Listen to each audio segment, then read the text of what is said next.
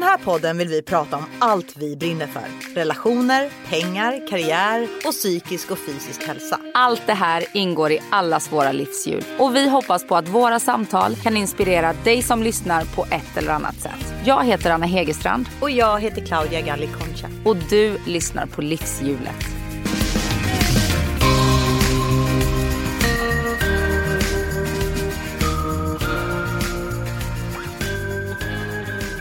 Och eh, verkligheten anropar eh, covidbubblan hemma hos Claudia Galliconcha.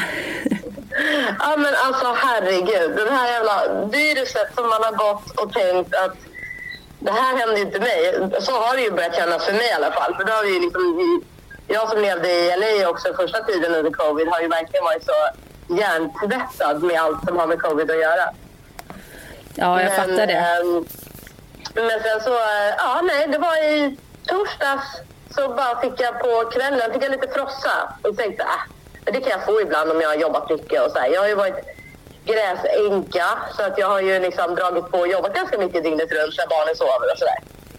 Och sen eh, så gick han av mig och så blev det bättre på morgonen så var det okej. Jag, och hade lovat tjejerna att vi skulle åka ut på en utflykt. Och det gjorde vi utomhus, som tur var. Träffade inte en kotte, mer än djuren som var på den där gården där vi var. Och sen eh, när vi skulle åka hem så bara fick jag sån frossa och liksom så ont i kroppen. Det är sån här feber, klassisk febervärk liksom. Och det bara kom från liksom en sekund till en annan nästan. Det gick fort. Ja, i princip. Ja, det gick så fort. Alltså det gick så fort. Så där, liksom, många säger, ja men det är inte så konstigt, du som flänger runt och du kan ha fått, eh, fått några sådana meddelanden. Så, men, men alltså, man har ju ingen aning. Jag tycker ändå att människorna överlag numera lever ganska mycket med ansvar. Man tar liksom, man håller avstånd, man har mask när man handlar, man, alltså sådär. Men, eh, nej, men det här var helt, det var, kom verkligen från ingenstans. Och då i och med att då min man som är i Göteborg och filmar en tv-serie, han skulle ju komma hem på fredagen så jag var ju tvungen att veta, har jag covid eller inte? För han kan ju inte komma hem, han hade egentligen inte kunnat komma hem om jag var sjuk heller. Men, så då ringde jag en sån här hemläkarbesök som var svindyrt men det var ju värt att få svar direkt. Och då, nej men då sa jag direkt, du har, du har det liksom. Jag kan se det direkt på testet. Ha, men, men nu i alla fall, jag är inne på dag fyra. Och eh, jag mår hyfsat bra måste jag säga. Jag har ingen, ingen smak och ingen lukt, vilket är sjukt deppigt. Eh, för att helt plötsligt så förändras ju verkligen det man tycker är mysigt i livet. Som kaffe, som är min liksom, go-to-grej. Eh, men eh, ja, nej, men det, det är typ så. Det är, nu är det bara att vara hemma och rida ut det här. Och nu, jag, jag vet inte, men jag tror inte det kommer bli värre än vad det har varit. Hur, eh, hur hög feber har du haft? Jag har inte haft feber alls. Nej du har inte det. Men jag bara tänker den här frossan och det brukar väl vara förknippat med feber. Ja, men det var den uppenbarligen inte. Covid works in mysterious ways kan man ju lugnt säga. Ja men det var ju det som var så sjukt. När jag var sjuk, jag hade ju en lätt nästäppa, feber eh, 37,5 som mest. Vilket är feber för mig för jag har ganska låg kroppstemperatur. Den brukar ligga under 37. Men eh, inte hängig egentligen och i och med att eh, David var så himla sjuk så hade jag ju ansvar för barnen och var ute liksom i parken och insåg först när han sa att jag känner inte vad schampot luktar. Eh, jag, har nog, jag har nog covid för vi trodde inte det.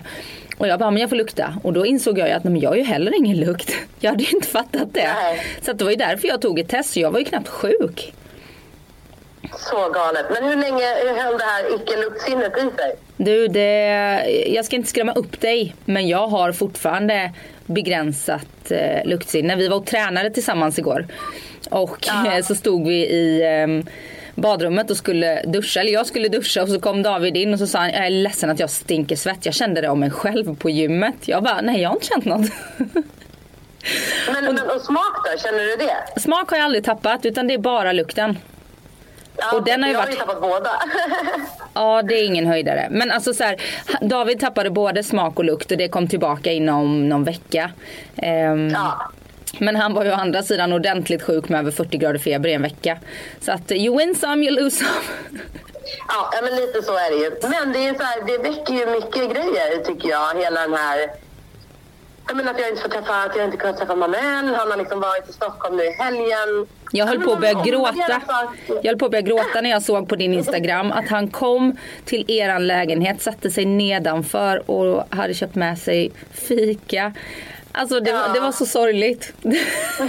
Sen vet jag att ni får ses snart igen men det var verkligen, det berörde mig. Man inser ju fan hur jävla mycket man saknar varandra. Både jag och Manuel är ju personer som vi älskar våra jobb och vi jobbar mycket och kan absolut prioritera det ibland framför kanske att vara med varandra för att vi jobbar ju också tillsammans. Men, ja, men just att man börjar känna så här, livet är så jävla mycket viktigare än ekorrhjulet liksom. Saker kommer lösa sig, livet går runt, eh, jobb kommer komma.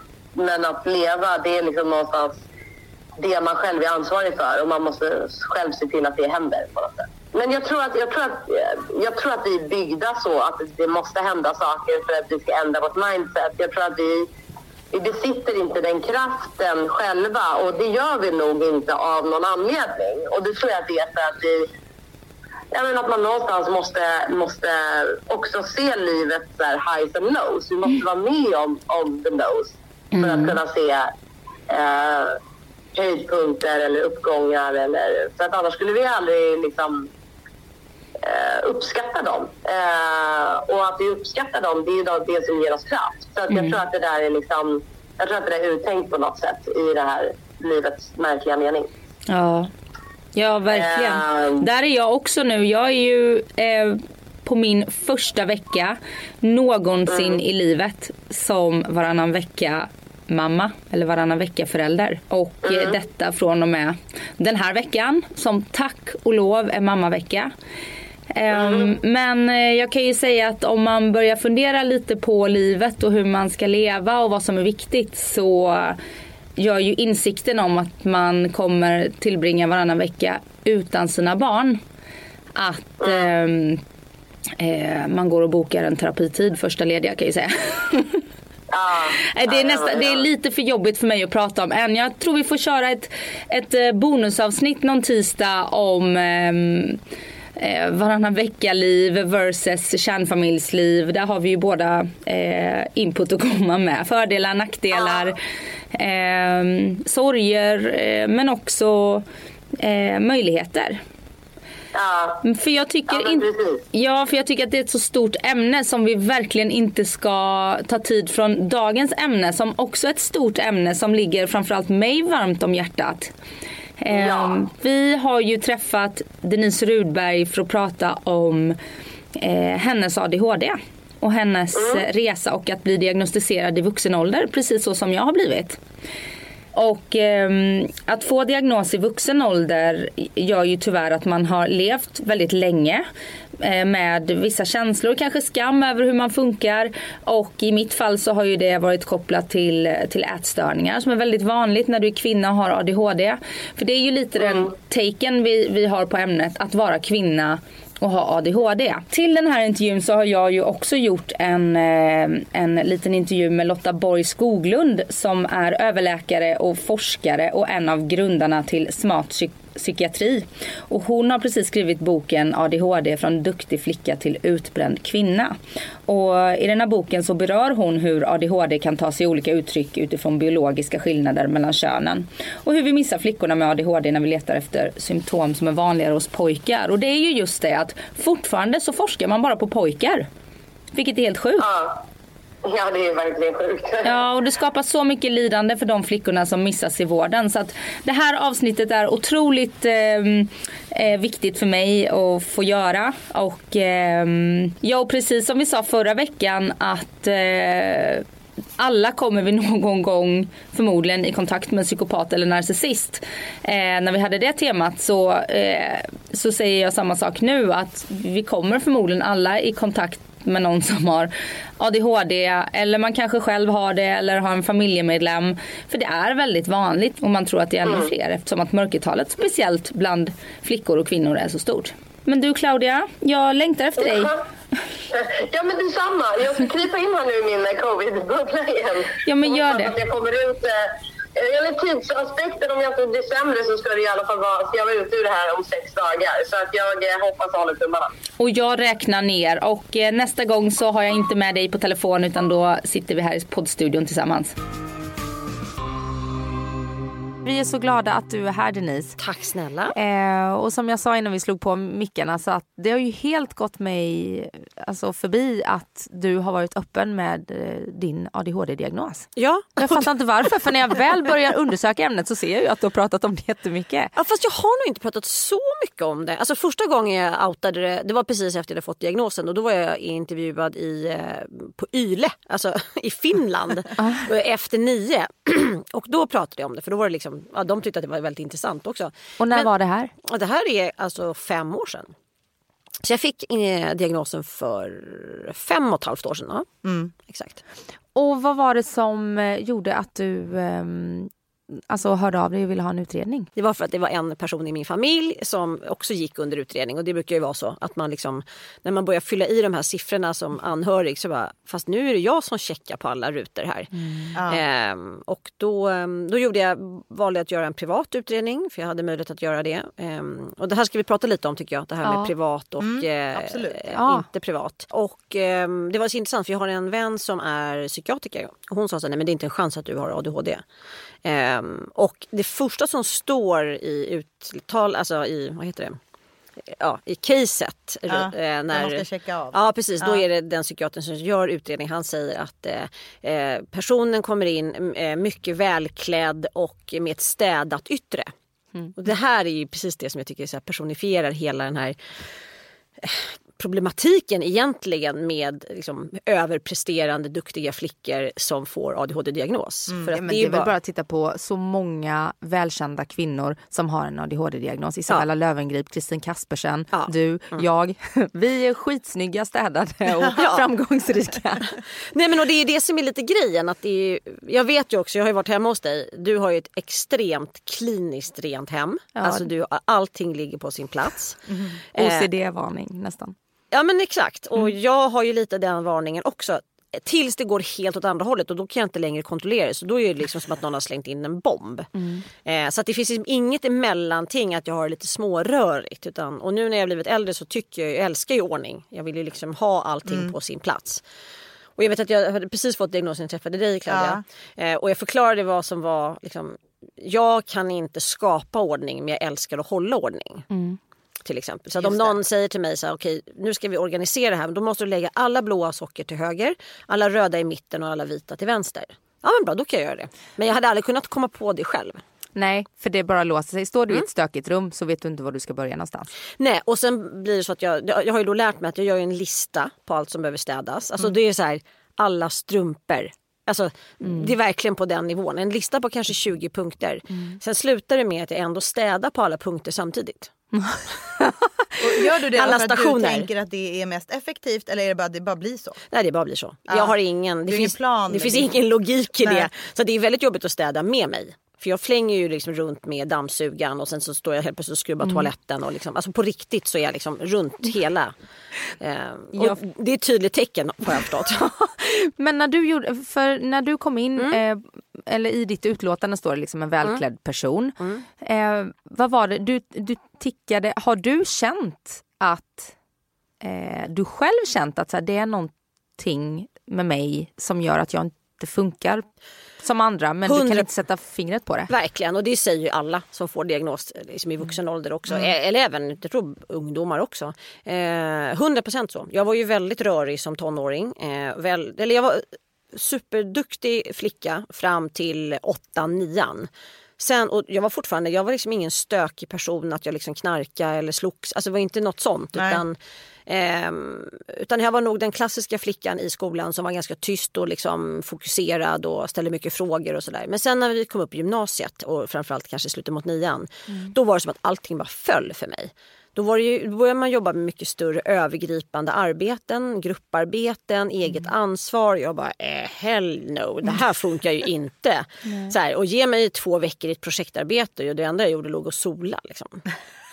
Tänk, tänkte du sista dagen då att jag, nu ska jag försöka styra upp det här? Ja, Nej, exakt. Sista sekunden. Jag försökte och sen så, sket, eller så, så klarade jag liksom inte det för det var ju för stor uppgift som man då hade haft framför sig. Eh, så det slutade med att jag inte gick till skolan och det var det så min gymnasietid blev. Att jag, typ, jag struntade i det. Hur var det med sociala relationer och så under den här perioden? Med känsloreglering och... Nej, och precis. Det var väl, med kompisar har det aldrig varit liksom något problem egentligen. Utan det var väl när jag liksom gick in i en kärleksrelation. Och framförallt skulle jag säga i kombination med att jag började äta p-piller. Och det här är ju någonting som är liksom lite outforskat men ändå väldigt tydligt. Hormoner kopplat till... Hormoner kopplat till ADHD till exempel. Eh, jag kan säga så här att har du ADHD försök i största möjliga mån att inte äta p-piller. Det är, det säger händer jag då? som det blir alldeles för stora känslopåslag på slag som du inte riktigt kan styra. Eh, och det funkade väldigt dåligt för mig. Och det är ju samma sak. Man, ofta kvinnor med ADHD har ju också en svårare PMS till exempel. Och ägglossning. Och ägglossning och liksom hela... Eh, men för mig är det så här, så länge jag egentligen inte äter hormoner eller p-piller, alltså vad det nu kan vara, så mår jag jättebra.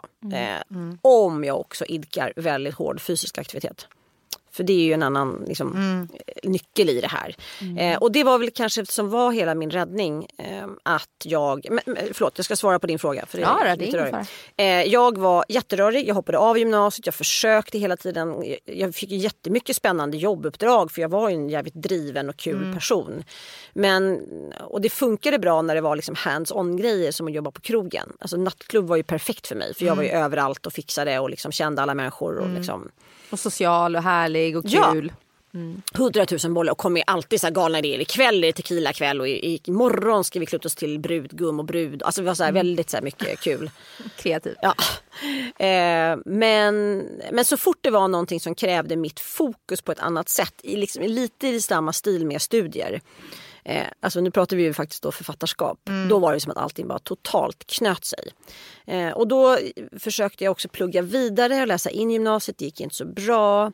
Eh, och då kom det mer och mer den här känslan av liksom misslyckande. Och jag visste ju att jag var rätt smart. För vi hade gjort IQ-test i skolan någon gång och jag hade så här, låg väldigt högt. Eh, och jag bara oj, är jag smart bara? Lite för, men för, jag, för jag har haft bra resultat i skolan också men vä- väldigt ojämna betyg. Så här. A i religion och historia bara för att det var liksom, ja, men, Det man är intresserad av blir man ojämn begåvningskurva kallas det. Men har inte det med intresse att göra då? då? Exakt, så fort det är intressestyrt då går dopaminet igång och då funkar ADHD-hjärnan.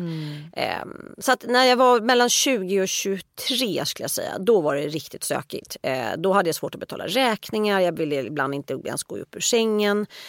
Och då vet jag att jag några år senare träffade en psykolog som sa, jaha men skulle du känna att du liksom, var du i depressivt tillstånd, kände du dig deprimerad? Och jag bara, alltså nej.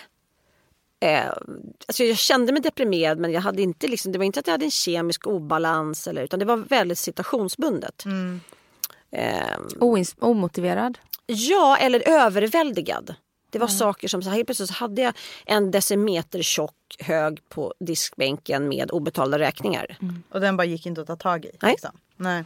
Eh, så den typen av grejer. Och sen så skaffade jag mig liksom relationer med killar som var väldigt uppstyrda. Så det blev liksom min räddning som en slags liksom så här projektledare i mitt liv. Det låter ju På vilket, uppstyrda på vilket sätt? Nej, men som var väldigt mycket ordning och reda. Jag liksom skapar, så jag sökte mig till motsatsen till mig själv. för Och de att- måste ju tycka det var superspännande med den, det här yrvädret. Eh, som, Exakt, eh, ja. ja, det, det kan ju aldrig vara tråkigt att vara med dig, tänker jag. Det var det nog, för det var väldigt jobbigt också. Jag är ju väldigt sug i energi liksom, i de där dåliga tillfällena. Ja.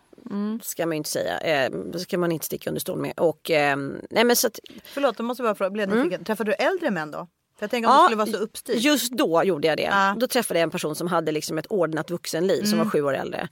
Eh, det gick lite överstyr i för sig för det blev ju väldigt mycket att han kontrollerade och liksom styrde mitt liv. Men på något sätt så var det just det jag behövde där och då. Ehm, ja. Jag gjorde tvärtom.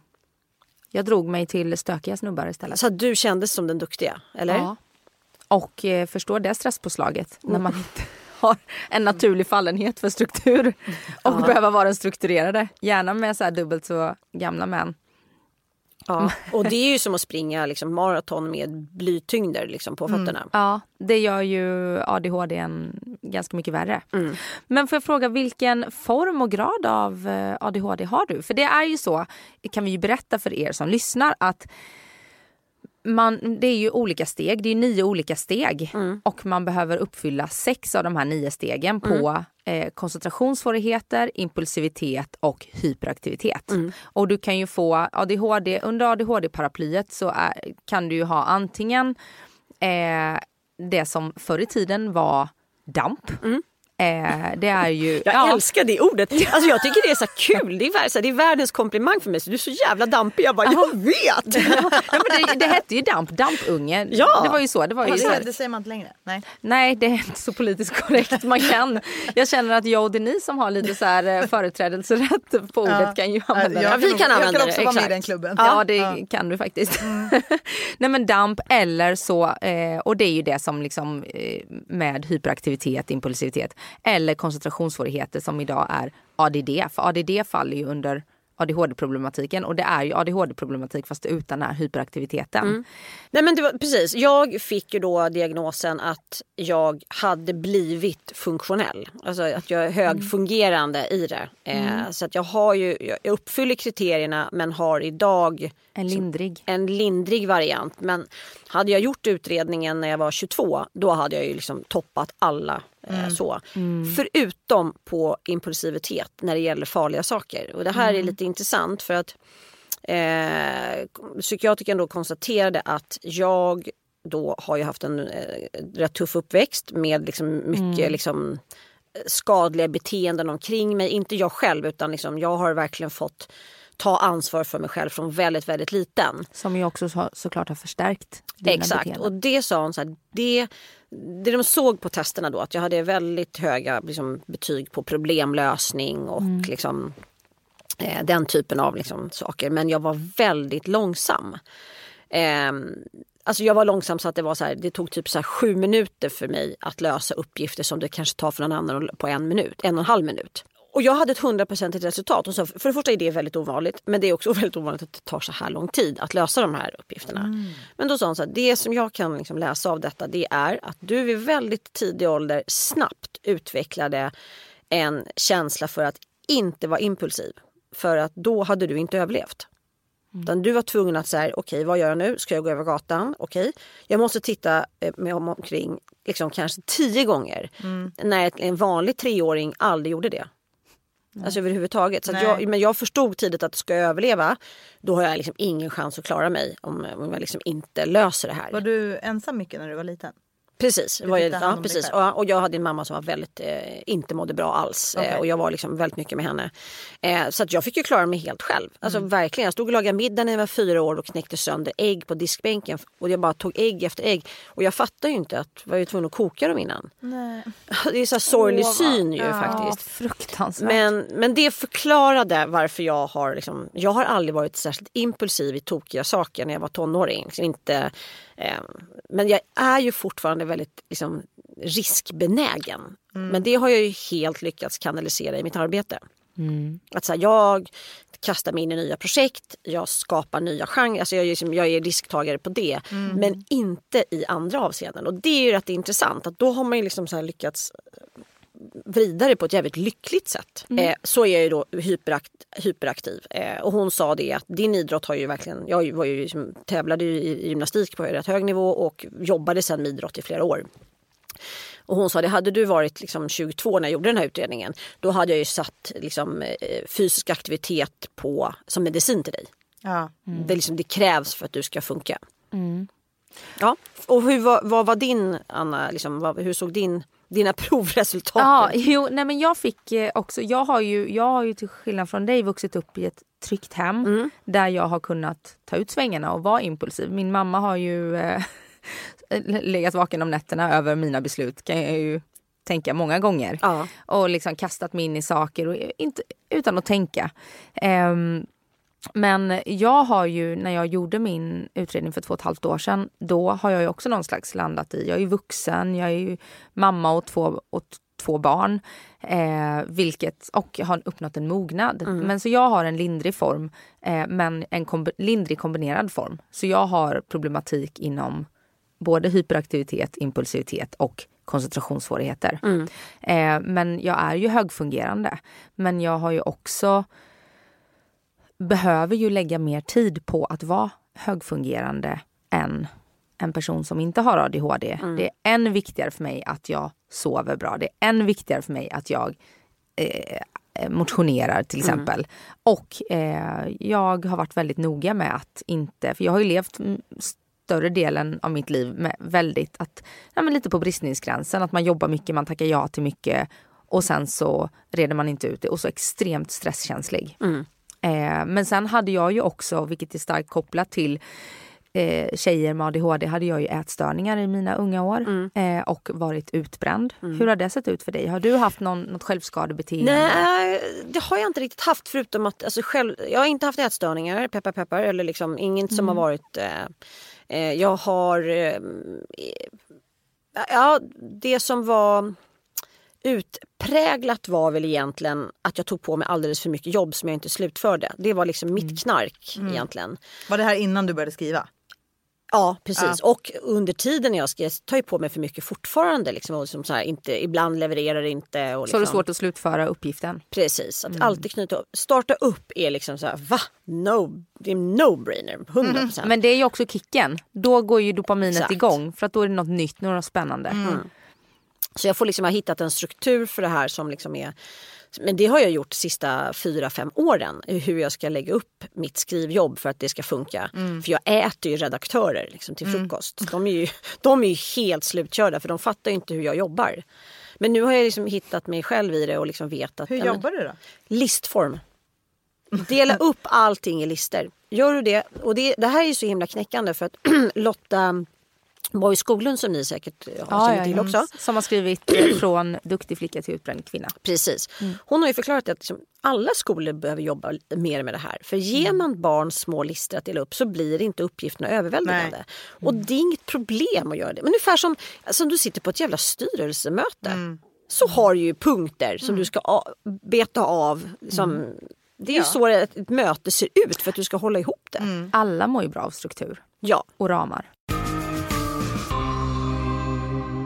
Jag förstod ju då att, jag hade perceptuell intelligens heter det. Eh, Vad är det? Det är problemlösning vad jag har förstått. okej. Ja. Men mitt arbetsminne är jag skulle säga nästan till obefintligt. Alltså hon sa här har du liksom en grav funktionsnedsättning när det gäller just arbetsminnet. Här är du absolut längst ner på skalan. Och arbetsminne testar man genom att eh, om du till exempel då eh, du uppges läsa upp en eh, eh, siffror i, eh, som hon läser upp dem. Hon säger 2, 8, 6, 12, eh, 4. Okej, ja, och så ska jag liksom läsa upp det igen. Ehm, och det gick typ fram till tre, fyra siffror. Sen var det som att jag bara, nej det här går inte. Alltså det var helt stopp. Jag kommer inte ihåg exakt, alltså det gick inte. Jaha. Ja, sen så sa hon Man så, okej svårt då ska jag testa en annan grej på dig. Då läser hon upp sju siffror. Mm. Och så sa hon så här, jag kommer läsa upp sju siffror nu och jag vill att du sätter dem i storleksordning. Då gick det, då var det inga problem. Då handlar det om att då, det här är ju så Då jag har kickar en lärt annan del av hjärnan in. Ja, Ah, då löser du problemet. då lös, precis, då löser man problemet. Var det viktigt för dig? Väldigt viktigt. Därför Och- att jag kände... ta reda på ja, det här. men framförallt var det nog i mitt jobb. För jag kände att liksom folk blev besvikna på mig när jag liksom rörde till det mot liksom slutet. Och jag satte andra människor i liksom väldigt stressiga situationer. För jag kan ju Mm. inte jobba efter en 9 till 5 struktur när det gäller liksom att slutföra manus. Det går inte. Och det tror jag, det är jag inte ensam om. Nej. Eh, och min känsla då som, vilket jag var ganska liksom irriterad över under liksom en tioårsperiod faktiskt, det var att många som jobbar på förlag är väldigt mycket duktiga flickor. Eh, Och de jobbar 9 till 5, sen går de hem och liksom, ja, men de, de är liksom ordentliga. De är liksom motsatsen till det jag är. Jag hade ju aldrig kunnat bli en redaktör eller förläggare av den anledningen. Men då var det två världar som möttes och det liksom, de, de blev besvikna för att jag inte levererade. De tyckte att jag svek. Och liksom, menar, det blir personligt och känslomässigt i det. Ehm, men nu när jag har liksom lärt mig hur jag fungerar så kan jag förklara för dem att här, ni måste ge mig en punkt patientlista. Och Det här handlar inte om att, att jag inte levererar. Utan Och det handlar inte om att jag skiter i er. Nej, utan jag det handlar om att jag fungerar. jag fungerar på ett annat sätt och Mm. jag kanske, det kanske kommer komma dokument klockan 11 på kvällen eller 5 på morgonen och det, det, så det ser ut och ni måste take it leave it lite grann. Ja. För det kommer bli bra, jag, jag kommer leverera totalt. Ja. Men och då var det ju så under utredningen så fick de, in- hon intervjuade ju flera personer som stod mig nära. En barndomskompis, eh, min förläggare bland annat, en annan person som jag jobbat med tidigare och sådär. Så att jag hade ju flera som hade blivit liksom närinter som djupintervjuade. Och då sa just min förläggare, hon var jätteledsen efter hon hade pratat med den här läkaren och sa det, jag känner som jag svek dig. Och då sa jag så nej det är ju verkligen det du inte gör. Som Utan, att hon liksom skvallrade typ? Eller vadå? ja, att hon, alltså hon liksom... Nej tvärtom så ska hon ju vara så ärlig hon bara kan. Ja, och det var det som också blev så här, ah, det var väldigt tydligt Mm. att jag eh, inte var högfungerande.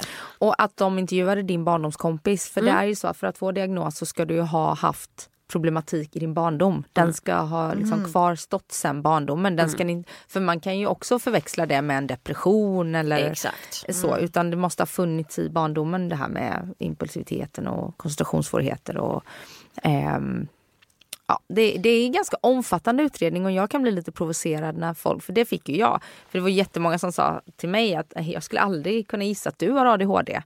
För du, det går ju så bra för dig och du har ju klarat skolan. Jag har ju inte haft några problem så i skolan. Nej. Men jag har ju rört till det för mig på andra sätt. Ehm, och det är också lite så här att, ja, men som folk tycker att man lite Bara skärp till det. Ja, att det är en lite så här innediagnos. Och det kan jag verkligen så här, hade jag, hade jag blivit diagnostiserad när jag var i, alltså när jag var barn så kanske jag hade sluppit att försöka svälta mig själv till döds. Jag kanske hade slupp, jag, mina föräldrar kanske hade haft en helt annan vaksamhet när jag kommer hem med en så dubbelt så gammal man som eh, inte var helt hundra. Nej, men så här, det- det, hade funnits så många förklaringar till varför jag agerat som jag gjort. Varför jag hade, jag hade eh, det jobbigt i mitt kompisgäng när jag var i tonåren. Och det var jättejobbigt för mig att gå från flicka till kvinna. Eh, alla de här grejerna och eh, nej men just det här att inte heller ha förmågan att hålla käft i rätt sammanhang. Och det hade, jag hade kunnat få hjälp. Och jag undrar vad, nu när du har din diagnos på papper, vad har du fått möjlighet till för hjälp? Och eh, liksom i form av terapi, medicinering, eh, kunskap om hur det funkar. Vad har du tagit till liksom för att... Jag fick hjälp av en arbetsterapeut som, för, det, för mig har liksom där det har verkligen skitit sig, det har egentligen, det har vi pratat om tidigare, det är ju liksom den ekonomiska biten som har med struktur att göra. Jag har ju inte haft någon ekonomisk liksom, eh, utbildning. Eh, och då menar jag utbildning av att så här, du ska sprätta upp kuvertet, du ska ta upp räkningen, så ska du läsa den och sen ska du liksom... Den, alltså det, här, det mest basala i en privatekonomi. Att betala en räkning. att betala en räkning och att betala den i tid, hur det funkar och så vidare. Och sen ska jag säga, nu lever vi i 2021. Det är väldigt mycket lättare att betala räkningar. F- När jag kunde börja betala räkningar med mobilen, då försvann mina räkningsproblem. Men det här med att här, gå till banken eller fylla i bankgiroblankett, det blev liksom för många steg som jag inte kunde. Eh, och idag kan jag känna att jag kommer vara väldigt noga med mina barn. ehm, att hjälpa dem och framförallt lära dem hur det funkar. För oavsett om du har en ADHD-diagnos eller inte så behöver du faktiskt veta hur du gör. Så jag ju, lärde mig liksom att så här, öppna kuvertet så fort du står Du får inte lämna hallmattan. Nej. Så jag går ju alltid in sist för annars så ramlar alla på mig. Eh, så, och det är en sån så här, fysisk övning faktiskt som jag liksom lärde mig. Men bara alltså när jag träffade min man och det är alltså åtta och ett halvt år sedan. Fortfarande då så var jag tvungen och då gick jag med alla mina räkningar i en hög till banken. Han bara, men varför betalar du inte på nätet? Jag bara, jag har ingen så internetbank. Mobilt. Jag bara, vad menar du? Men jag är inte on the line liksom. Han bara okej. Eh, ja. Okej, vi hörs. Eh, så, Han Så jobbar väl också inom finans? Ja exakt, han är börs-vd. Liksom. Alltså, så här, verkligen, han tyckte att jag var så, definitionen av... Det är så roligt. Jag har inte internetbank. Nej. Ja. Men, eh, så att det har ju blivit mycket sånt som har liksom förenklat. Men Ja. jag, har ju, jag har ju knäckt koden om mig själv. i alla möjliga sammanhang. Jag vet att jag måste träna minst som där, mer eller mindre varje dag för att liksom må bra. Och det behöver inte vara superlänge Nej. eller någonting. Och det har ingenting med, med vikt, utseende utan det är bara så här rent välmående. Men kan det räcka med en powerwalk eller måste Ja, du liksom nej, nej. eh, ihjäl? Nej, det spelar ingen roll, utan bara en powerwalk. Men vad den här arbetsterapeuten också försökte få mig att göra, det var att meditera. Oh. Ja. Och jag blir också provocerad av att alla ska känna det där jävla lugnet och det är liksom, ja. Medan min form av meditation, och det här har jag lärt mig, meditation är inte samma för alla människor. Nej. Det är bara bullshit att de säger det, för det är bara ett sätt att tjäna pengar tror jag. Vad är din meditation? Gå eller springa. Alltså, för mig. promenera för mig, det är det. Alltså, Jag och min son igår gick ut halv tio på kvällen, för det är ju väldigt bra med hund. Bara, efteråt, jag, bara, jag hade haft en så jävla stressig dag. Vi var ute i typ 45 minuter. Helt underbart. Men när du liksom rör kroppen på ett monotont sätt, du gör ingenting. eh, att- Det är det bästa. Då Nej, rensar jag Jag allt. Men medicinering då? Ja, jag har testat medicinering eh, och då är det något som heter Equasym som är väldigt korttidsverkande. Eh, och det funkar. Jag hade en, ett, en period som jag testade, då höll jag på att redigera. Så då satt jag liksom inspärrad på mitt förlag i ett rum utan fönster, ungefär som här. Med min förläggare som bara, nu skriver du. För det har jag också märkt. Eh, jag jobbar jättebra när en annan människa är i rummet. Som, Jaha. va, som vakar över mig. Jaha, en vårdare. Nej, och, men någon som sitter bredvid bara, okej nu ska du skriva scenen om Signe. Bra, och du gör det. Och så, så skickar jag det till henne som bara, bra. Och så fortsätter vi gud, nästa. Gud, jag skulle bli så stressad. Nej, men gud, jag är exakt likadan. Jag måste, alltså, säger någon så här, gör det här så gör jag det. Det spelar ingen roll hur svårt det egentligen Nej, är. spring till höger, Ja. fem mil. springer så jävla bra till höger. Jag vet. Ja. Okej, Det där ska jag testa. You better check it out. Men, ja, men så Ja, du så kör kort jag testade medicin, då körde jag i tre veckor. Men sen så fick jag, och det här var i samband med att jag också hade sprungit maraton innan. Eh, jag fick ju bältros efter. Eh, vilket jag blev, gjorde mig lite rädd för. Att, och då sa faktiskt min man det för att jag Alltså jag, det var som att jag gick på lädret, förstår ni? Ehm, jag liksom gick över min egen förmåga. Att, Tre veckor och jobba så liksom, extremt ultrafokus. Jag, vet inte, jag tror inte att det är nyttigt. Jag klar, alltså min kropp klarade inte det. Ehm, så jag tror att det, bara, det var inget bra för mig med den medicinen. Sen fick ju medicinen en annan funktion med mig, och en biverkning ska jag säga. Jag blev ju helt introvert. Och jag som ändå är så här ganska glad och... För det är ju... Det drar ju fram, alltså om du har ADHD men du också har autistiska drag, vilket jag förmodligen har, eh, då blir det då väldigt, väldigt tydligt. Du har inte gjort någon utredning för eh, autism? Nej, jag tror inte där jag skulle liksom, jag har autistiska drag, jag skulle inte uppfylla en autistisk diagnos. På vilket sätt? Och då pratar vi, nu finns det ju då inte längre eh, begreppet Asperger.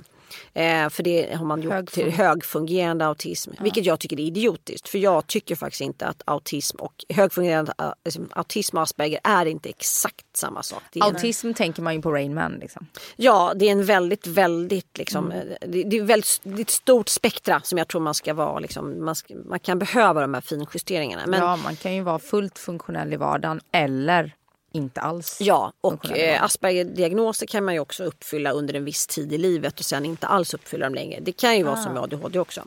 Ja, det kan Men- växa bort Ja. hos barn till exempel. Precis. Men liksom den sociala förmågan bara liksom totalt liksom, eh, slogs ner och eh, jag kom hem liksom efter jobbet eh, och bara liksom satte mig vid köksön och min man stod och lagade mat. Han bara, har du haft idag? Jag bara, nej men alltså vi behöver inte snacka så mycket. Han bara, eh, okej. Alltså jag kunde, inte, jag kunde inte kommunicera. Jag bara var helt avstängd. Och det där gillade inte jag riktigt. Så att, och funktionen med medicinen för mig det var ju liksom att om jag bara tar typ tre, fyra koppar kaffe så hamnar jag i samma fokus. Ehm, och det är lite det eh, som... För det är det medicinen ska göra, hjälpa dig att fokusera. ja. När andra blir, och det har jag faktiskt hört talas om också, att folk som tar droger, alltså medicinen är ju en form av amfetamin. Mm. Eh, det gör ju att jag blir liksom låg och nere så att gissningsvis, jag har ju aldrig knarkat. Så amfetamin funkar ju... Det ska ju vara... Dämpande för mig, inte uppåt tjack. Liksom. Exakt. Nej, nej, nej, okej. Och det är samma sak för jag medicinerar. Eh, inte varje dag, eh, vilket Claudia har fått. Jag har varit med både på och av om man så. Ja. Eh, ja, men det är lite spännande. Har jag medicinerat idag? Nej. Nej, det har jag inte. Hur fan visste du det? Jag tycker jag är superlugn. Ja men du är lugn. Men jag tänkte eftersom du frågade. Ja, jag såg det i dina pillemariska ja. ja, nej men jag har ju både, jag äter Concerta som är långtidsverkande ja. som jag tar på morgonen. Mm. Eh, och sen så eh, har jag en så snabb förbränning mm. eh, så att jag får fylla på mm. med något korttidsverkande på eftermiddagen. Mm. Eh, men min eh, läkare eh, har beskrivit det väldigt fint för mig. att mm. så här, har man dålig syn, har, mm. har man behov av läsglasögon, mm. då har du inte läsglasögonen på dig hela tiden. Nej. Utan då sätter du på dig dem när du ska läsa en mm. bok eller någonting. Mm. För mig så är det så att, för mig, jag är jag har aldrig haft en enda biverkning. Jag, jag tror det var när, när jag började med medicin, man börjar ju väldigt mm. lågt och så ställer man in dos. Så kunde jag känna ett lätt illamående och mm. om jag drack kaffe samtidigt, mm. att man får hjärtklappning. Ja men exakt, det är det mm. som, det blir kaka på kaka där. Ja men exakt. Men sen nu, jag har inte en enda biverkning och medicinen för mig fungerar så att det blir, dels så är det lite är det lugnande. Det är som att den här oron som ständigt är i kroppen, mm. som är, man är så van med, som jag har levt hela livet med, som är så subtil, mm. men den finns ändå där. Den försvinner. Mm. mm. Och jag känner, det är liksom tyst i kroppen. Mm. Och sen så när jag tar mitt korttidsverkande så det kan jag ta kanske, säg att jag ska hämta barnen från förskolan och jag vet att de är jättetrötta, jag är trött efter en arbetsdag. Mm. Tar jag eh, mitt korttidsverkande så får vi en mycket mer harmonisk eftermiddag. Mm. Men det, och jag, det ska jag också säga då att när jag väl tar mediciner, för det kan hända att jag tar medicin fast i, under kortare perioder. Mm. Alltså jag tar inte liksom... När det är hög belastning. Ja, men jag skulle inte ta tre veckor i sträck. Eh, för det, då känner jag, då, då presterar jag för hårt. Liksom. Alltså, ja. Jag går, liksom, ja, går över min egen gräns. Men, men den funkar ju fantastiskt bra. Alltså, den är ju liksom, jag blir ju så skärpt och jag, liksom, jag orkar ju. Mm. Hjärnan orkar. Mm. Um, Vad säger din omgivning sen du eh, fick diagnos och blivit mer medveten och knäckt koden om dig själv? Hur, vad säger de om dig? Nej, alltså, min kille var ju, alltså, han var ju mer så här, kunde inte ha sagt det innan. Nej, du, vad hade jag vetat så? Nej, men han, så för honom, han har ju bara känt mig, alltså han har känt mig i åtta och ett halvt år. Han mm. har ju mm. inte eh, riktigt kunnat se ett före och efter riktigt så. Ehm, och för mina vänner så tror jag, då fick vi alla tror jag, en förklaring hur jag kunde vara så strulig samt som att jag var så högfungerande. Mm. För det var ju som det som folk inte riktigt fick ihop och inte Nej. jag själv heller. Och framförallt i och med att jag då också har fått frågan vid flera tillfällen, men har du liksom, liksom eh, de, eh, depressiva problem? Ja. Jag bara, nej jag har inte, jag får ju bara ångest när jag inte, alltså ångestpåslag får jag men det är situationsbundet. Så mm. jag har inte betalat mina räkningar, det är klart jag får ångest för jag vet ja. att Kronofogden, mm. och de kom ju liksom och sågade upp min dörr för jag inte betalat elräkningen på riktigt. Eh, och så, alltså, då, det är inte bra liksom. Nej, inte Nej. bra. Nej. Eh, så, så sådana saker fick ju en förklaring som var, men han mm. har nog liksom inte riktigt sett mig. För enda, enda gången det blev väldigt tydligt från, det var ju också precis när vi flyttade ihop. Och eh, jag hade då 77 flyttkartonger och han hade ja, 50 eller sånt där. Mm. Och efter liksom tre, fyra veckor så står alla mina kartonger fortfarande kvar. Jaha, där är ju du och jag eh, väldigt olika. För att mina kartonger är ju upppackade två timmar efter jag flyttat in. Ja. Medan och... min kille så här, får lite ångest och försöker hänga med i min takt. Ja, och så är jag ju med andra saker. Men det här, mm. liksom, och det här är också intressant för jag har ju också fått hjälp. Min pappa är ju väldigt duktig också att organisera. Han är mm. ju en super så här, pedant och fixare. Mm. Så att jag har ju alltid ringt honom. Så när Henrik sa att nu måste du plocka upp, jag orkar inte ha de jävla lådorna stå. Då börjar jag gråta och så ringer jag min pappa. och så säger Henrik så här, 40 år gammal. Ja, han sluta, jag vill inte, vi, vi vill inte ha din pappa här hemma. Fan, vi står ju, alltså, det är så här, vad fan är det här? Din 75-åriga pappa då. Ja. eh, och då fattade Henrik. Men sen tänker jag även andra livsrutiner. I, liksom, jag kan ju utan problem äta samma mat i tre veckor. Mm. Jag ja, så jag med. jag med. Så jag med. Jag snöar in på grejer. Exakt. Ja, jag Claudia. Du ska ringa ja, det har jag inga problem med heller. Nej. Tre Nej. veckor kan vara kort tid. Men jag åkte ju på ett hälsohem som var helt fruktansvärt. För jag hade så levt dåligt och haft en järnbrist och liksom bara så här, Allt var bara, jag bara behövde så jävla utrensning mm. i. Och det här var en utrensning där man bara åt, alltså det är ju så flummigt, bara saker som hade växt ovan mark. Mm. Eh, och det fick inte värmas mer än mm. 42 grader. Det var bara alger. Så det var lavemang varje morgon. Och så var det, var det vetegrässhots som du drack och sen så skulle du efter lavemanget också så här, spruta upp det lite i, eh, där bak. Där bak. Mm. Vadå ska du spruta upp veteshotten där bak? Ja, och så skulle du... Först så sa du det högt, sen fattade du. du bara, Ja, exakt. Och då blev det jävligt kul. Men jag har Ja. en bild av Och dig så- nu. Ja, måste ja, det här är så den. vidrigt. Jag kan säga jag skolkade evenemanget för jag klarade inte det. Men sen hade jag ändå så två tarmsköljningar den veckan också. Eh, Det var, liksom, det var på så sjuk nivå. Men då är liksom, det var, hon bara, det här är ett väldigt intensivt schema. Det är 18 punkter varje dag och varje gång, nej, för varje punkt så ringer vi en liten klocka. Och min kompis som var med, hon bara åkte hem efter fyra dagar. Hon bara, det här är sjukaste stället. Jag bara, men vad är grejen? Vi gör bara som de säger. Ja, perfekt. Så läser det Och sig. jag gör allting så bra. Och det var så här, det var så äckligt, det var en jävla algsoppa. Alltså det var fruktansvärt. Vi åkte därifrån så här, fem kilo lättare och bara, ja, det var väl ingen fara. Men då tänker jag som just hur det är liksom, hur, hur jag har lärt mig då mycket är att så fort jag kommer till ett nytt ställe, men så är jag på semester en vecka, så var jag så här, okej vad är mitt bageri, vad är min mataffär, eh, här ska jag ha osthyv. Alltså så här, Jag hittar min struktur så jävla snabbt. Så på liksom två timmar har jag liksom allting figured out. Ja.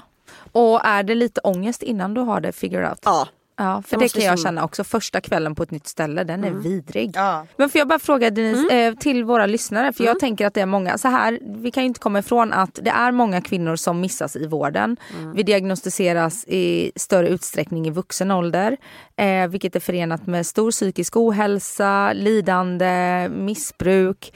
Eh, och man forskar fortfarande bara på pojkar, vilket är helt sjukt. Ehm, både du och jag är ju de som inte fick utredning när vi var barn för att vi inte är Ja, vi är de städade kvinnorna. Jag tror inte heller, och i mitt fall, jag, menar, jag är ju- fyller ju 50 år, jag tror inte ens att det fanns utredningar. Nej, Det är också en intressant... men jag liksom. tänker, i- och både du och jag har, Mm. vi har varsin son och varsin dotter. Nu är ju mina barn mycket, mycket mindre men Mm. det är klart att eh, ADHD är ju ärftligt. Har du ett barn som har ADHD så är det typ 80% chans att någon i det närmsta, Just mam- det, mamma, pappa Ja, eller mm. liksom moster, faster, Precis. sånt där, har. Så det är ju ärftligt, det är ju genetiskt. Mm. Ehm, va, hur, hur, eh, du, du gjorde din utredning privat. Mm. Och var gjorde du den? Eh, in, inside Team som ligger på Kungstensgatan. Och vad kostar det? Det kostade tror jag 34 000 eller något sånt där. 34 000? Ja, Mm. men det är också så, och jag kan det här är ju så himla deppigt tycker jag för att om du gör utredningen eh, så- icke privat Mm. då hamnar den i alla register och den är liksom öppen. Och man, sådär. Jag Men- betalade 100 kronor för varje läkare. Jag tror min utredning kostade mig sammanlagt 500 eller 600 kronor. Ja men det är ju rimligt med tanke på liksom hur vårt vårdsystem är. Men jag kan ju också tycka att det är deppigt för de ungdomar som, som ungdomar som gör det. För att idag får du inte söka till polisen. Du får inte söka till militären. Ehm, det finns en rad utbildningar så där de säger nej. Och det här är jag har två barndomskompisar som är poliser idag. Och de bara, det här är så sjukt. För att hälften av alla poliser idag har ju garanterat en ADHD-diagnos. Antingen så hade de den typen av killar som var lite stökiga i skolan. De hade tre vägar. Antingen så blir du elitidrottsman eller så blir du Kriminell. kriminell eller så blir du polis. Eller dörrvakt. Eller dörrvakt. Och, där, och dörrvakten är oftast en kombination av de tre skulle jag säga. eh, ja. och, och det här är ju liksom så fruktansvärt. Förlåt alla varför, dörrvakter om vi har några som lyssnar. Varför begränsar man då liksom intagningen? För att jag är helt övertygad om, om vi tänker då som inom det till exempel autistiska spektrat inom militären. Eh, alla de här liksom, kufarna som jag sitter och skriver böcker om som knäck- knäckte koder på under andra världskriget. Det var ju oftast människor med liksom, inom det spektrat, garanterat. Så man har förmåga att tänka utanför boxen och se sam, samband och sammanhang. 100 procent så. Eh, utan det, det blir ett, en dålig selektiv liksom, utrensning eh, till viktiga funktioner. Jag tror inte vi, samhället kommer inte gynnas av det. Nej. Så då skulle jag säga så här, gör en privat utredning i största möjliga mån eh, om du vill undvika det. Eh, eller, alltså för alternativet är ju att inte utreda alls. Och bara, Och det är långa vårdköer. Mm. En privat utredning med respekt för alla har inte kanske möjlighet att betala det är sig. fruktansvärda pengar, vem har Ja. de pengarna egentligen? Nej men exakt. Men eh, man eh, kan ju ansöka på remiss. Man kan ju gå till sin husläkare Ja, ja, och få remiss. Men hur lång tid tog det för dig då, om man ser skillnaderna där då? Hur lång tid tog det för Men dig? jag fick ju komma på två veckor. Ja. Det är också det som är... Och hur lång var utredningen då? När var du klar? Jag tror att det tog två månader totalt. Det gjorde det för mig med. Ja. Jag Hur fick lång också väntetid var det för dig? Jag vet att jag gjorde ett, så här, ett självtest i juli bara för att kolla Mm. Ja. Mm. för en bekant som har, fick vuxen ADHD eller ADHD i vuxen ålder eh, visade mig det här testet och jag fick ju högsta poäng. Mm. Och då eh, hörde jag mig till Sereb eh, och ställde mig i kö och sa att, för jag var också föräldraledig då, Mm. så jag sa jag kan ta vilken avbokningstid som helst, vilken akuttid som helst. Eh, en månad senare så hade jag mitt första besök. Mm. För då var det ju någon som hade behövt boka av och jag tog de tiderna.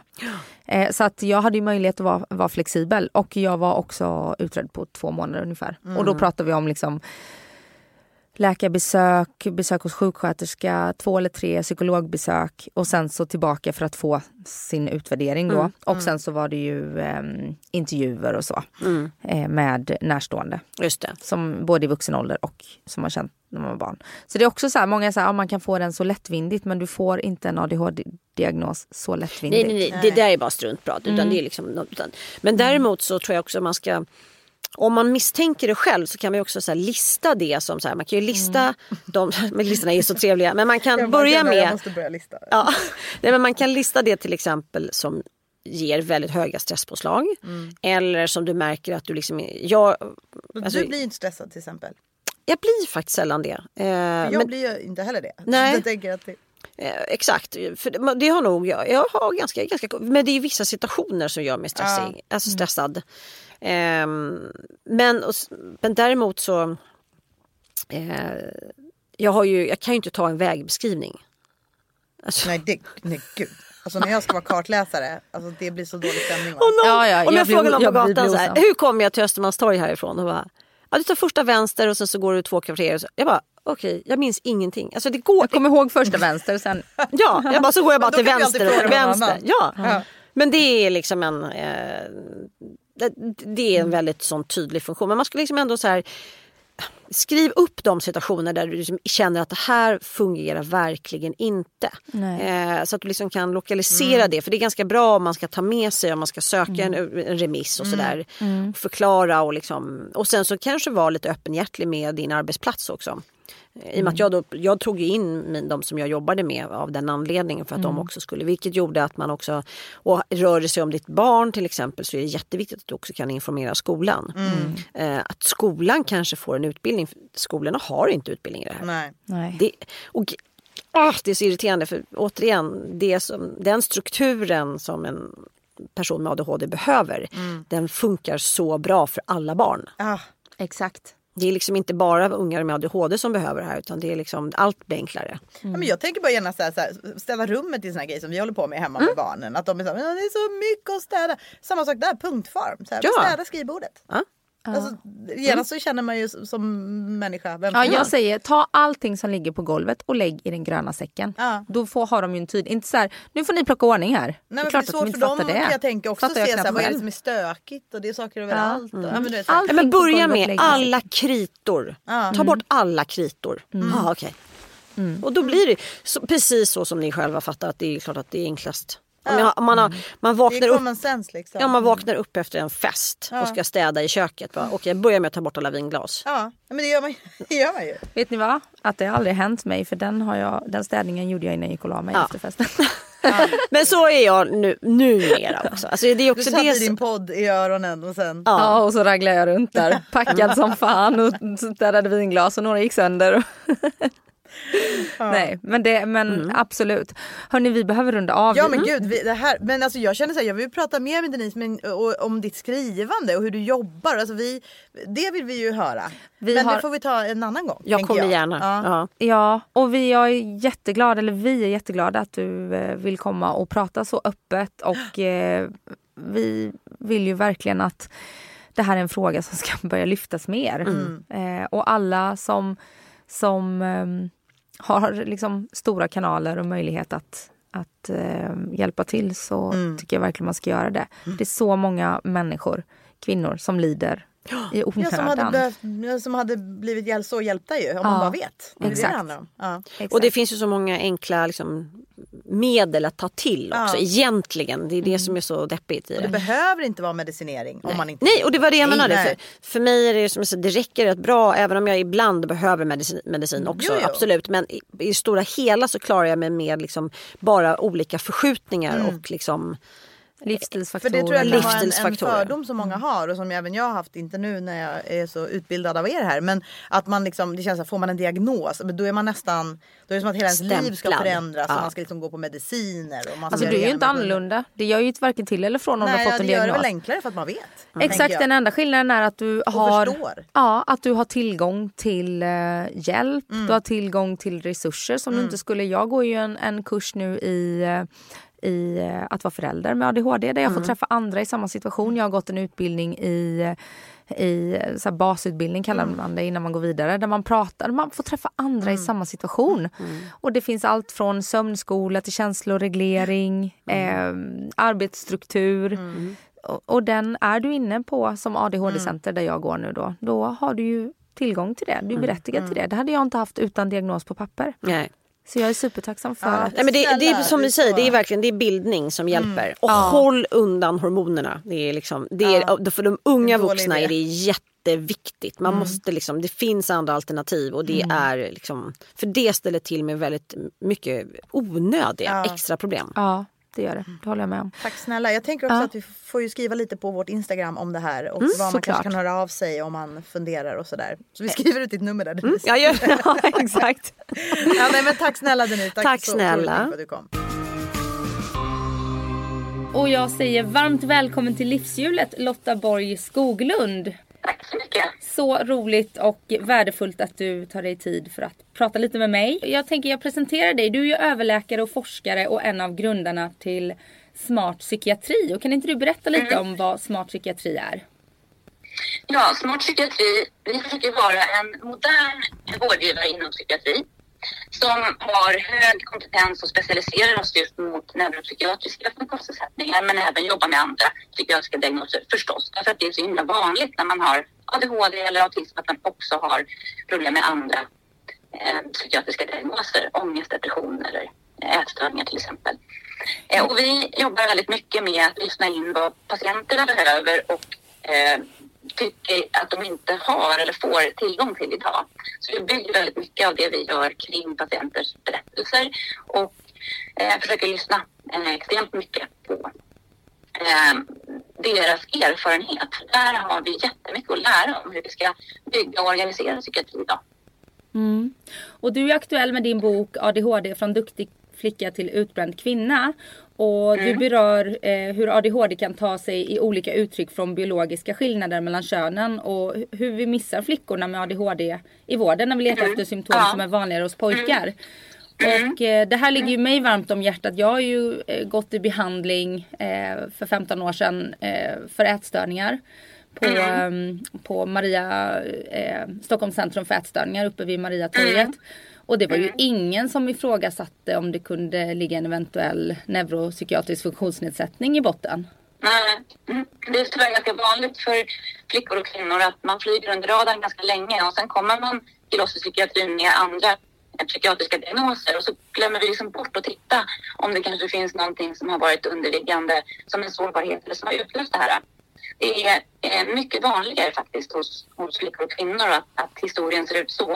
Och att vi har inte riktigt sett och förstått flickornas svårigheter. De har varit dolda för oss och flickor är bättre tidigare i livet på att också dölja och maskera sina svårigheter och, och problem. Mm. Det var väldigt många som sa det till mig när jag fick, eller framförallt när jag inledde min utredning men också sen när jag fick diagnos att li- folk nästan lite förlöjligade. Vissa ska jag säga för det var ju många som tog det på allvar såklart. Men, men så här, jag skulle aldrig kunna ana. Du har ju, det har ju gått bra för dig i skolan och du har ju en karriär som journalist och du är så driftig och du är tvåbarnsmamma och du löser ju livet. Du är ju kapabel mer än många andra. Men de ser ju inte på insidan hur det är för mig ehm, och vad det krävs för mig för att lösa livet. Nej, och man glömmer kanske bort att, att prestation och funktion inte riktigt är samma sak.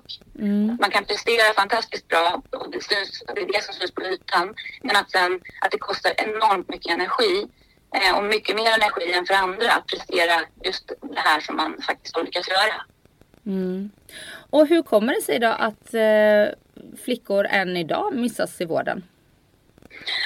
Vi tror att det beror på att flickor och kvinnor, det är ju samma symptom men, eh, och det är samma diagnos men att symptomen uttrycks på lite andra sätt och vi är inte riktigt vana vid att titta och leta efter de symptomen eller de symptomyttringarna.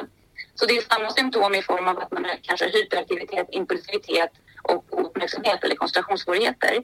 Men flickors impulsivitet brukar mer ta sig uttryck som eh, språklig impulsivitet eller känslomässig impulsivitet eller känslomässig hyperaktivitet. Att man har så vansinnigt mycket och starka känslor, och man har så himla svårt att liksom, hantera dem och, och eh, välja på vilket sätt man ska uttrycka dem. Och, och det skapar ju problem i flickors liv ändå därför att man måste kunna reglera sina känslor och sina impulser och vad man säger när man ska försöka få till sina sociala relationer. Så, så ofta hittar vi flickorna där att de har svårigheter eller har jobbigt eller känner sig utstötta eller annorlunda eller inte får vara med eller blir mobbade till exempel. Mm. Och då tänker vi tyvärr när det gäller, och det gäller både flickor och kvinnor, att när flickor och kvinnor kommer till oss i vården då, då tänker vi framförallt på det som vi kallar för psykosociala orsaker. Alltså att det är någonting i miljön eller det är någonting i relationerna eller det är någonting i uppväxten eller att man har varit utsatt för någonting, något trauma eller haft svårigheter med sig i bagaget som gör att man har eh, utvecklat de här svårigheterna. Medan när pojkar och män kommer med den här typen av, av svårigheter och, och, beskriver att de inte får ihop sitt liv, då är psykiatriska diagnoser och ADHD bland det första vi tänker på. Så det gör att flickorna och kvinnorna, deras diagnoser försenas väldigt mycket och de hinner ofta driva på andra typer av, av, av samsjuklighet eller andra typer av problem. Vilket ju är väldigt skadligt därför att vi vet att ju tidigare man kan få rätt förklaringsmodell, om det nu är en diagnos eller om det är någon annan typ av förklaring, desto bättre går det för en ju. Ja, men hur eh, tänker du att eh, vilka, vilka förändringar måste ske i hur man liksom forskar och, och jobbar med det här? Ja, det, det viktigaste är ju att vi faktiskt börjar inkludera flickor och kvinnor i studier. Det har vi inte gjort eh, tidigare. De här diagnoserna har varit mest kända hos pojkar och män och därför har mycket av forskningen hamnat där. Sen är det alltid så att, att forskning på kvinnor har varit svårare därför att man har varit rädd för att det ska kunna påverka till exempel om man är gravid eller så. Så där har man också en, en svårighet att få in tillräckligt mycket eh, flickor och kvinnor i, i bra studier. Men om vi verkligen ska kunna liksom titta på det här då, då måste vi faktiskt titta på både flickor och pojkar separat. Eh, men vi måste ställa samma frågor till de här olika studierna. Vi kan inte bara tänka att vi tar in flickor och pojkar i samma studier och sen så justerar vi för könet. För då liksom tappar vi bort den, den unika delen av, av, det som är faktiskt speciellt för flickor. Vi kan inte låtsas som att könet inte finns och försöka justera för det utan vi måste faktiskt studera flickorna separat och pojkarna separat men med samma metoder, med samma modeller. Mm.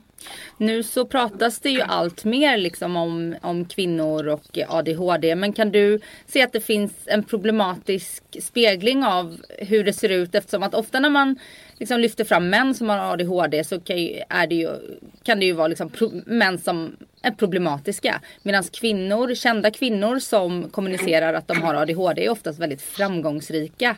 Eh, det är ju bara som vi ser i det här avsnittet har vi med Denise Rudberg som är en av våra mest kända författare.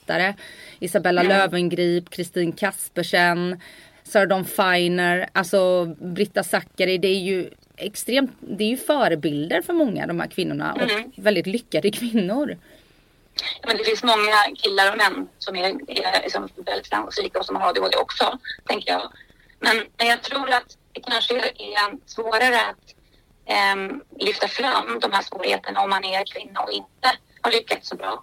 Det är fortfarande ett större stigma kring psykisk ohälsa och kring att inte fungera eller inte leva upp till den här rollen som hur en flicka ska vara och en kvinna ska vara. Och det ser vi i forskningen, att föräldrar skäms mer, tycker att det är jobbigare att ha en flicka som inte fungerar som andra flickor än en pojke som inte fungerar som andra pojkar. Och, och, och de här flickorna beskriver också det och det ser vi också i studier att man liksom har svårare att få till sina sociala relationer, känna sig accepterad av jämnåriga och av andra vuxna. Så det är liksom en jättestor grupp som inte eh, som får till det och som inte får eller lyckas liksom använda sina resurser på rätt sätt och inte blir framgångsrika. Men de är de tror jag lider väldigt mycket i det tysta också. Så det är väldigt viktigt att de här framgångsrika personerna liksom banar vägen för andra att våga prata om det här också. Mm. Eh, både om man har det hos sig själv eller om man lever med någon som har det eller har ett barn som har det. Ja, och det är också väldigt ärftligt. Så har man ett barn som eh, får en neuropsykiatrisk funktionsnedsättning så är det ganska, eller väldigt vanligt att någon i den närmsta liksom, föräldrar eller mormor, mm. morfar, farmor, farfar. Vad jag har förstått. Ja, det, är, det finns en stark ärftlig komponent i det. Det betyder inte att bara för att man har ADHD så kommer man få ett barn som har ADHD. Men eh, det betyder att de här dragen verkar vara väldigt ärftliga. Så det kan finnas fler i samma familj som kämpar med samma eller liknande svårigheter. Mm. Och om man, eh, om man tänker att, eller om man känner, går och känner liksom att jag, jag får liksom inte riktigt ihop livet. Man kanske är nybliven förälder, så var det för mig. Jag gjorde min utredning när jag fick två barn tätt. Och kravet på att, eh, att eh, ja, men vara funktionell ökade. Jag kunde inte bara liksom leva efter mig själv längre. Eh, men om man går och känner att, att man liksom inte får ihop det, vart kan man vända sig då? Om man inte får ihop det som Ja men i livet med sina sociala relationer, jobb, familj. Och tänker du då om man har diagnos eller om man misstänker att man har det? Ja, om man misstänker att man har diagnos. Vart vänder ja, man sig för att få reda på det? Man kan ju börja med att vända sig till första linjens psykiatri som finns i primärvården och så kan man diskutera det med sin eh, vårdcentralsläkare till exempel. Och om man tillsammans då kommer fram till att det är mycket som talar för det här så kan ju eh, vårdcentralen skriva en remiss till mm. psykiatrin. För idag så utreds eh, ADHD och andra neuropsykiatriska diagnoser eh, av specialistpsykiatrin och vi är ett team av eh, psykiatriker, läkare och psykologer som jobbar tillsammans med patienten med barnet eller den vuxna och så gör vi de här utredningarna tillsammans för ett stort samarbetsprojekt. Men just idag så är det både privata men också offentliga vårdgivare i psykiatrin som gör de här utredningarna och man måste ha en, eller en remiss från liksom, eh, till psykiatrin eller från psykiatrin till andra eh, externa vårdgivare som gör de här utredningarna. Mm, och till de som, för det finns ju folk som påstår att ADHD har blivit en innediagnos och att det är lätt att få diagnos mm. och äntligen har man något att skylla på. Lite lättvindigt. Mm. Alltså det kan man nog säga att det har blivit, det har blivit väldigt uppmärksammat de senaste åren och det är ju välkommet framförallt när det gäller flickor och kvinnor som har varit en sån stor dold grupp. Sen har vi nog en överdiagnostisering och en underdiagnostisering som pågår samtidigt. Mm. Och problemet med, med äh, att vi överdiagnostiserar det är ju att de som faktiskt behöver stödet som allra mest får inte tillgång till det för att vi har ju liksom bara en begränsad mängd resurser att ta hand om en begränsad mängd personer. Och vi vet idag att det är om vi använder oss av samma typ av utredningar, om vi är noggranna när vi gör de här utredningarna, då kommer ungefär 57 procent av alla barn att, att, ha så mycket problem av det här att de uppfyller kriterierna för ADHD och 3 procent av alla vuxna. Så mer än så ska egentligen inte ha en ADHD-diagnos. Då ska man, kan man få jättemycket hjälp och jättemycket glädje av mycket av det som vi vet idag fungerar vid ADHD. Men man kanske inte behöver just medicinerna som man då har tillgång till när man har en diagnos. Så vi som jobbar med det här mycket, vi hoppas ju på att den här ökade kunskapen kring de här diagnoserna ska göra att faktiskt så många inte behöver utreda sig och behöver ha en diagnos. Man får just som en förståelse för sig själv och hur man fungerar utifrån den kunskapen som vi har fått när vi har forskat på och förstått vad ADHD är för någonting. Mm. Det här är ju också en, en anledning till att jag skrev den här boken. Att jag hoppas på att fler personer ska kunna ta till sig just kunskapen bakom hur hjärnan fungerar, hur vi fungerar, de olika psykologiska liksom, delarna av vår personlighet fungerar och sen så kunna hjälpa sig själv till att hitta bättre strategier i livet. Mm. Jag tror inte att, att, man, att alla behöver en ADHD-diagnos om man ligger liksom precis där på gränsen. Man kan klara sig väldigt, väldigt långt med att förstå eh, hur man fungerar och hitta smartare strategier. Ja, det kan att... man göra också i, i, i, kontakt med en, med en um, person på vårdcentralen eller en kurator eller en psykologkontakt eller sådär. Men du sa att det är 3% av alla vuxna. Är det lika många kvinnor mm. som män? Just när, när vi tittar på vuxna så verkar det som att vi idag diagnostiserar åtminstone lika många ja. Förlåt, kvinnor och män. Så, eh, men, men det är fortfarande fler män som har diagnoser. Ju äldre man blir, desto färre är det ju faktiskt som har diagnos. Men egentligen så är det ju så att 3% av alla över 65 också ska ha en diagnos. Om man ska gå på liksom hur, vi, hur vi tänker och förstår att de här eh, diagnoserna liksom, eh, finns över eh, åldersspannet och över olika länder och över oli- olika liksom, perioder av tid och så. så. Så verkar det som att det här är väldigt stabilt om vi använder oss av samma typ av sätt att diagnostisera det. Men eh, så vi är väldigt mycket bättre på att hitta pojkar, nästan för bra verkar det som idag för att, för att vi har eh, på vissa ställen i alla fall eh, nivåer eller av liksom, så här, mängd av, mängden av pojkar i vissa, på vissa områden är liksom lite för hög för att man ska tänka att det egentligen borde kunna eh, vara så om, man ska, om, om vi använder oss av samma typ av, av diagnosmetoder. Men, men för, för flickor är det eh, väldigt sällan så att vi har kommit upp i de nivåerna som vi tänker oss att det borde vara. Och för män och kvinnor är det så också. Vi, vi, vi tänker oss att det är 1,6 procent ungefär av vuxna idag som har en diagnos. Det är ju ungefär hälften av de som vi tror egentligen ska ha det. Ja, okej. Ja, jag förstår. Eh, Lotta, tusen tack för att du eh, ville svara på mina frågor. Otroligt värdefullt och jag rekommenderar alla våra lyssnare att läsa din bok. Um, och eh, Ja, Men stort tack för att ni lyfter de här viktiga frågorna. Det här är ju eh, oerhört eh, viktigt att, att den här kunskapen kommer ut och att vi kan prata om de här sakerna på ett så här, konstruktivt sätt så vi kan hitta smarta liksom, vägar framåt. Verkligen, verkligen. Tusen tack och lycka till med ditt arbete så hoppas jag att vi får möjlighet att höras ehm, om inte allt för lång tid fram igen. Ja, I ett annat Tack viktigt snälla. sammanhang. tack så mycket. Ha det gott. Hej då. Hej. Det var den här veckans avsnitt och tack bästa ni för att ni har lyssnat på oss. Och fortsätt gärna hänga med oss på Instagram där vi heter Livshjulet med Anna och Claudia. Har ni något ni vill prata med oss om, önskemål om gäster eller teman så skriv till oss där för vi svarar på allt. Och så hörs vi nästa vecka. Puss och kram! Puss och kram!